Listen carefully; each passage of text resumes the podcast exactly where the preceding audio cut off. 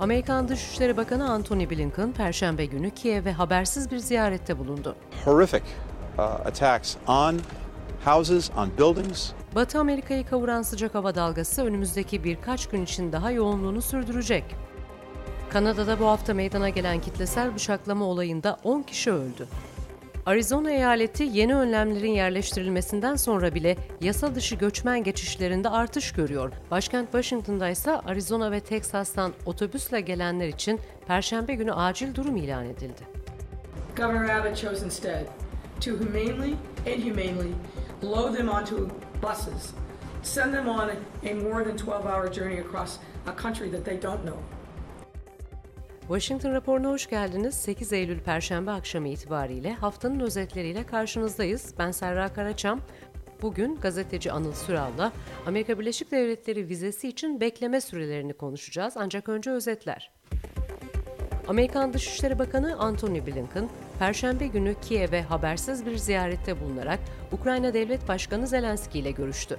Blinken 2.8 milyar doları aşan yeni askeri yardım açıklaması yaptı. Blinken, Kiev'in dışındaki Irpin şehrini de ziyaret etti. Burada Blinken'a Ukraynalı müfettişlerin savaş suçları ile ilgili açtığı 30 bin dava olduğu aktarıldı. In Irpin, where um, I was able to bear witness to horrific uh, attacks on houses, on buildings, clearly belonging to civilians, uh, where the shelling, the missiles, the bullets, it's all there.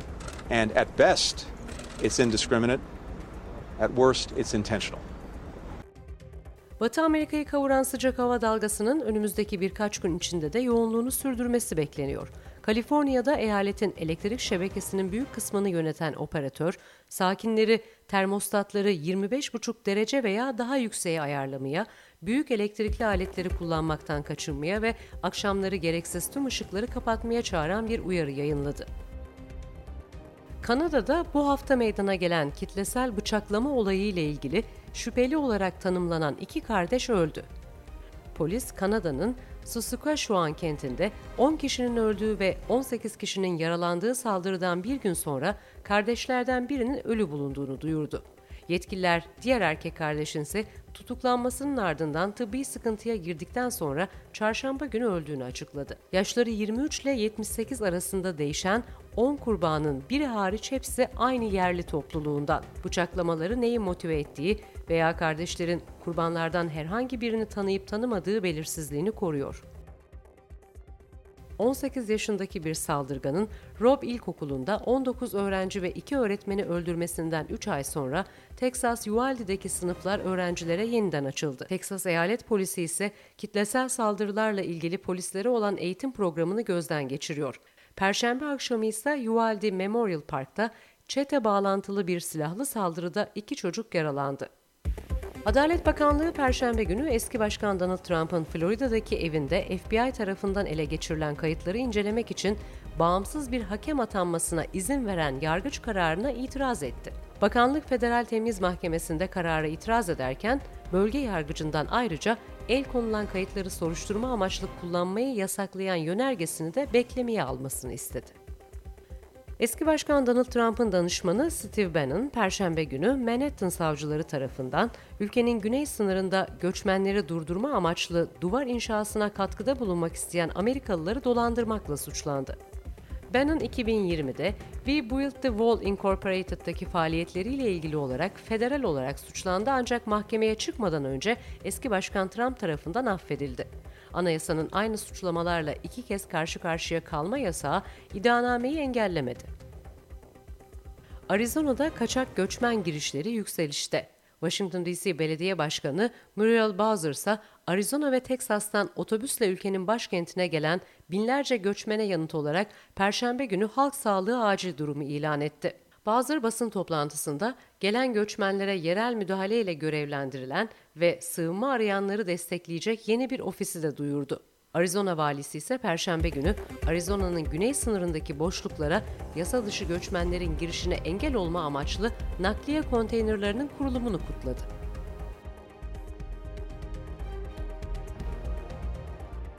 Applicants need to wait more than a year Is there any specific reason for that? Why Turkish people have to wait too long? Washington raporunda bugün gazeteci Anıl Sural'ı ağırlıyoruz. Geçtiğimiz haftalarda Amerika'da Dışişleri Bakanlığı Sözcüsü Ned Price'a Türk vatandaşlarına vize randevularındaki gecikmelere dair sorusu Türkiye'de haber gündeminde ilk sıralarda yer aldı. Anıl hoş geldin. Teşekkür ederim, hoş bulduk Serra.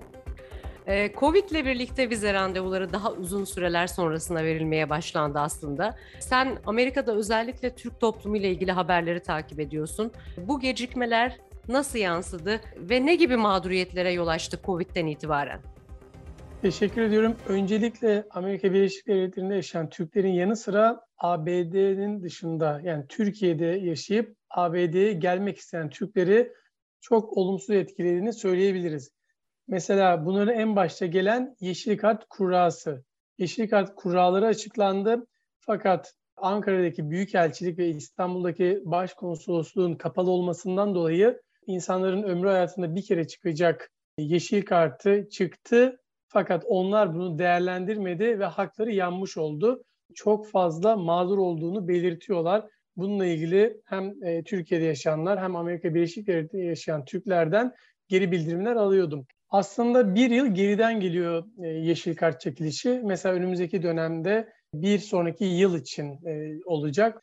Avukatlarla da bunu görüşüm. Kim avukatlar e, bununla ilgili davalar açıyor ama genel olarak avukatlara baktığımız zaman eğer siz vizenizi alıp geçici vizenizi Eylül ayı içerisinde ABD'ye giriş yapmazsanız sizin bu hakkınız yanıyor. Çünkü aslında göçmenlik yönetmenliklerinde de şunu söylüyorlar. Siz giriş yapmazsanız green card alamazsınız. ABD yönetimi şöyle diyor. Siz ülkeye giriş yapmanız lazım. Çünkü bu size hak çıktı. Ama ıı, mağdur insanlar da e, biz gelemiyoruz çünkü siz e, konsoloslukları açmadınız diyor. Ondan dolayı böyle bir iki tarafta sıkıntı vardı. 2020'de, 2021'de bu biraz kalktı mı peki? Aslında 2021'de de bunun devam ettiğini söyleyebiliriz. E, dünya geneline baktığımızda e, konsolosluklar dünya genelinde ikinci aşıdan sonra yavaş yavaş açıldı, başlandı. Ondan dolayı mağduriyetin iki yıl ard arda devam ettiğini söyleyebiliriz. Tabii bu sadece Türkiye'deki Amerikan Büyükelçiliği çatısı altındaki konsolosluk hizmetleri için geçerli değil. Senin dışişlerine sorduğun sorudan sonra e, o gün tabii e, belki hazırlıksız bir andı, e, bir cevap oldu ama arka, arkasından da hem e, Türkiye'deki Büyükelçilikten hem değişik yerlerden başka açıklamalar geldi, resmi açıklamalar. Diğer müttefik ülkelerdeki temsilciliklerinin de e, benzer şekilde vize randevularında gecikmeler yaşandığını söylediler. Türkler bu gecikmenin kendilerine özel olduğunu biraz düşünüyor ama diğer taraftan baktığımızda da sorunun hep Covid'den kaynaklandığı, benzer ülkelerde de aynı olduğu söyleniyor. Sen ne diyorsun? Aslında bunu rakamlara baktığımızda genel olarak Covid ile açıklayabiliyoruz. Çünkü mesela Milan'a baktığımızda 2012'de 14.406 kişiye ABD e, vizesi verilmiş. 2021'de ise bu sayı 7376'ya yarı yarıya düşmüş. Yani burada Covid'in etkisi var. Yarı yarıya düşmüş. Ondan dolayı mesela Türkiye'ye baktığımızda 2016'da toplam 85 bin Amerikan vizesi onaylanmış. 2020'de bu rakam yarı yarıya 41 bine düştü. Çünkü ilk başlarda Covid önlemleri yoktu. 2021'de ise 18 bin, 2022'nin ilk 6 ayına baktığımızda 7577. Yani koronavirüsle e, bunu açıklayabiliriz. Çünkü diğer ülkelere baktığımızda evet Covid'den dolayı rakamların, e, vize veriliş rakamlarının düştüğünü görebiliriz. Ama Türkiye'de e, bana ulaşan çok fazla insan var. Red sayılarında arttığını söylüyorlar. Yani Türkiye'ye baktığımızda mesela İstanbul'da 2012'de 61 bin kişi vize alırken 2017'de 72 bin, 2018'de 51 bin, 2019'da 54 bin, 2020'de ise 29 bine e, yarı yarıya düşmüş. 2021'de ise 11.949. Aslında Türkiye'de e, biz bu rakamın yarı yarıdan çok e, aşağı düştüğünü görebiliyoruz. Ondan dolayı e, sadece Covid değil, e, arkasında neden daha fazla red olduğuna dair bazı e, sorularım da vardı. Çünkü şunu da söyleyeyim, ben Türkiye yakın bölgelere baktığımda e, sadece Türkiye değil, Türkiye'ye yakın diğer ülkelerde de çok sonra vize randevuları veriyorlardı. Ama tam soru sorduğum zaman da İstanbul Başkonsolosluğu'nda turist vizesi için 368 gün sonraya, öğrenci vizesi için 396, göçmen olmayan diğer vizeler için de 248. Bunun içerisine diplomat, basın ve de e, ticari vize de giriyor.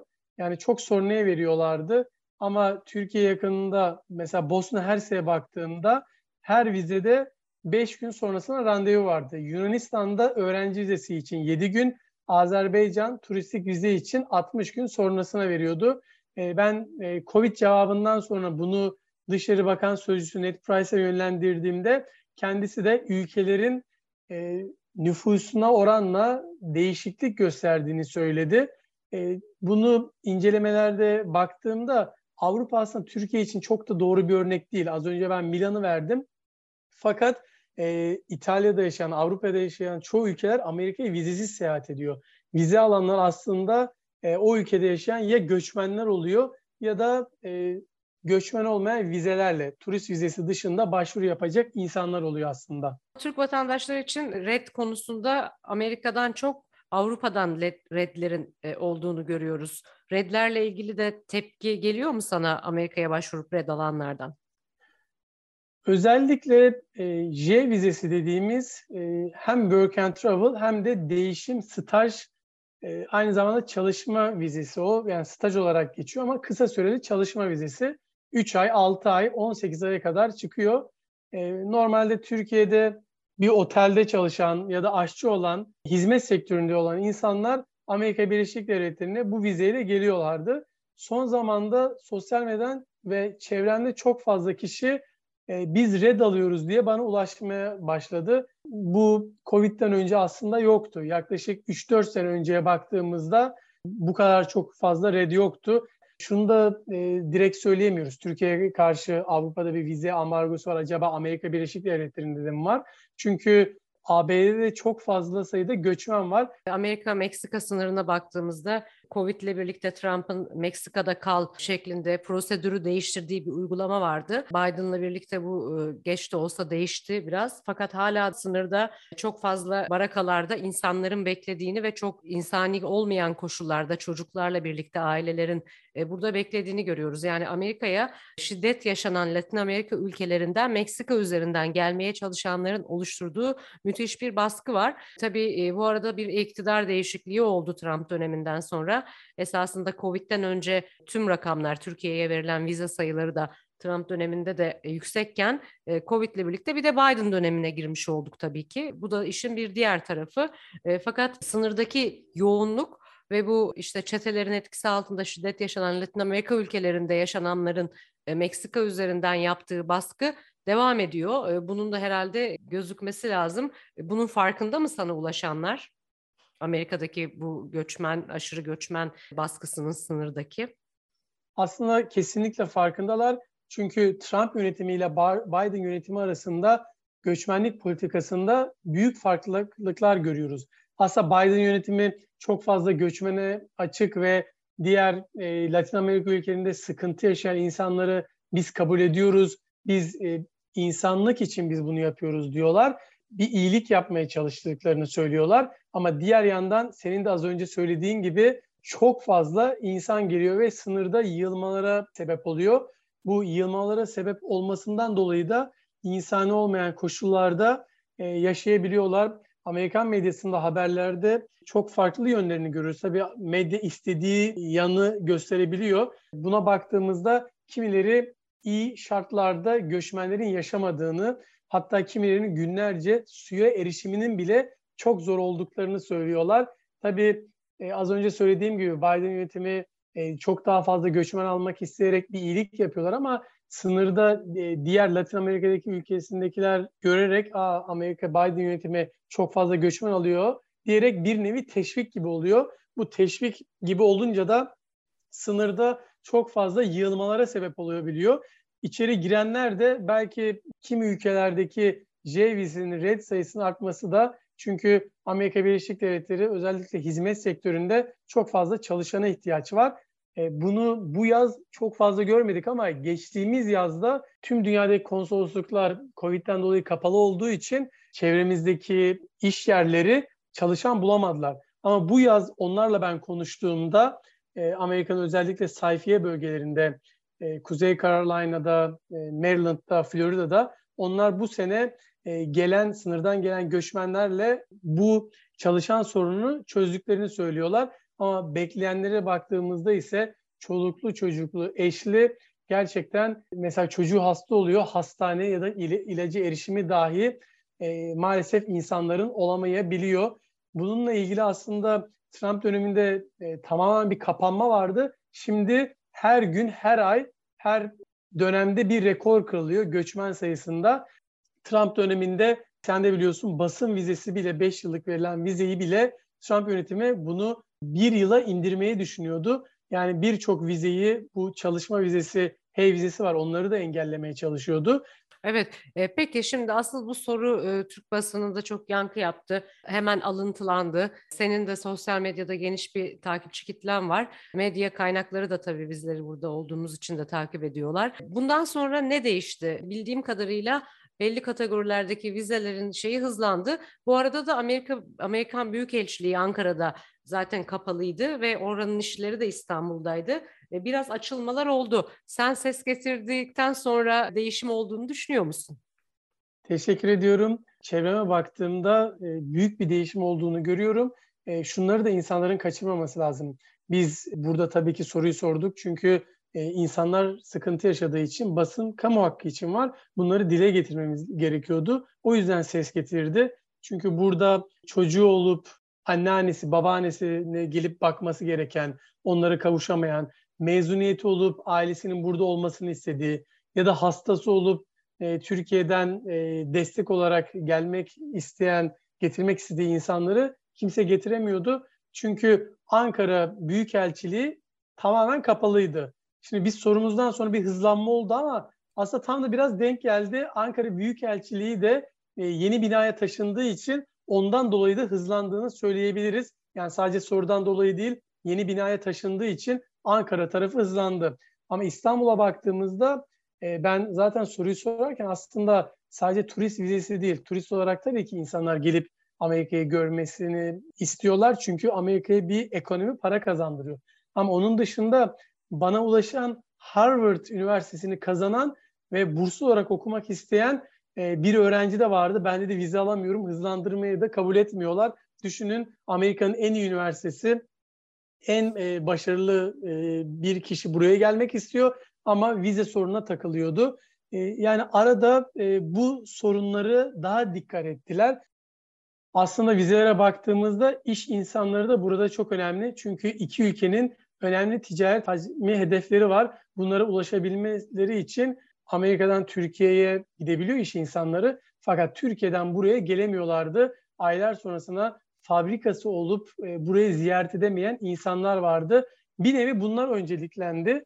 Bu çok önemli. Yani gerçekten Amerika Birleşik Devletleri'nde hızlıca işi olan, okulu olan kişileri hızlandırdılar. Bunun bir farkındalığını yarattığını söyleyebilirim. Bunun dışında da sosyal medyadan yüzlerce kişi ulaştı. Burada da çevremde gördüğümde ya ben annemi vize almıştım bir yıl sonrasına vermişlerdi. Şimdi tekrar kontrol ettiğimde 3 ay sonrasına, 4 ay sonrasına, 5 ay sonrasına aldım şeklinde insanlar söyledi. Çünkü ben de az önce söylediğim gibi Bosna Hersek'te 5 gün, Yunanistan'da 7 gün, Azerbaycan 60 gün sonrasına veriyorlar. Yani Türkiye'de de üçlü rakamlarda olmaması gerekiyor. Evet bir yığılma var. Türkiye'nin nüfusu benim az önce söylediğim ülkelerden çok daha fazla ama bu 300 gün, 500 gün olmaması gerekiyor. 90 gün e, ya da daha altı olması gerekiyordu bence. İnsani durumlarda e, biraz hızlı davranabildiklerini görüyoruz ama bir ulaşma problemi oluyor. E, esasında bu bütün diplomatik misyonlar ve e, konsolosluk servisleri hizmetleri için geçerli. Fakat ulaşabildiğinde e, acil durumlar için genelde bir çözüm öneriliyor fakat ulaşmak ayrı bir konu tabii. Aslında Amerika Birleşik Devletleri'nin web sitesinde hızlandırma olarak çok güzel bir bölüm var. Ama herkes hızlandırmaya yönlendiği için, herkes hızlandırmayı kullandığı için bu sefer de ABD tarafı hangisini acaba öncelikli olarak karar veremedi. Çünkü herkes bir şekilde ya benim işim öncelikli bu var diye bir açıklama yaptı. O yüzden ABD tarafı biraz bunu dondurdu. E, çok fazla talep gelince karşılayamadılar. Anıl Süral teşekkür ediyoruz. İlgiyle izlemeye devam ediyoruz. Bakalım ilerleyen günlerde ne şekilde süreç e, devam edecek? Çünkü en son yapılan açıklamada Covid'den dolayı ellerinden geleni yaptıklarını duyurdular ama yığılmaların açılmasının o sıkışıklığın eski haline dönmesinin e, hala bir süreç alacağını da yeniden tekrar ettiler son açıklamalarda. Var mı eklemek istediğim bir şey? Ben sorudan sonra bazı gelişmelerin olmasından dolayı mutluyum. Bu soruyu ben değil, Serra sen de ya da başka gazeteci arkadaşımız da sorabilirdi. Önemli olan benim burada mutlu olduğum konu ABD tarafının bu konuyu görmesi ve Türk halkı için bunu hızlandırması. Bu beni mutlu etti ve ardından da hemen e, Ankara Büyükelçiliği sözcüsü de basın mensuplarını yeni binada gezdirmesi ve de hızlandıracağız sözü vermesi bence önemliydi. Dediğim gibi çevremde de çok çok fazla insanı görüyorum. Hızlandığı için, bir sonuca ulaştığı için çok mutluyum. Ve bu da meslekte motive eden bir böyle sonuçlar almak faktör tabii ki. Çok teşekkür ediyoruz. Başarılar ve kolaylıklar. Çok teşekkürler.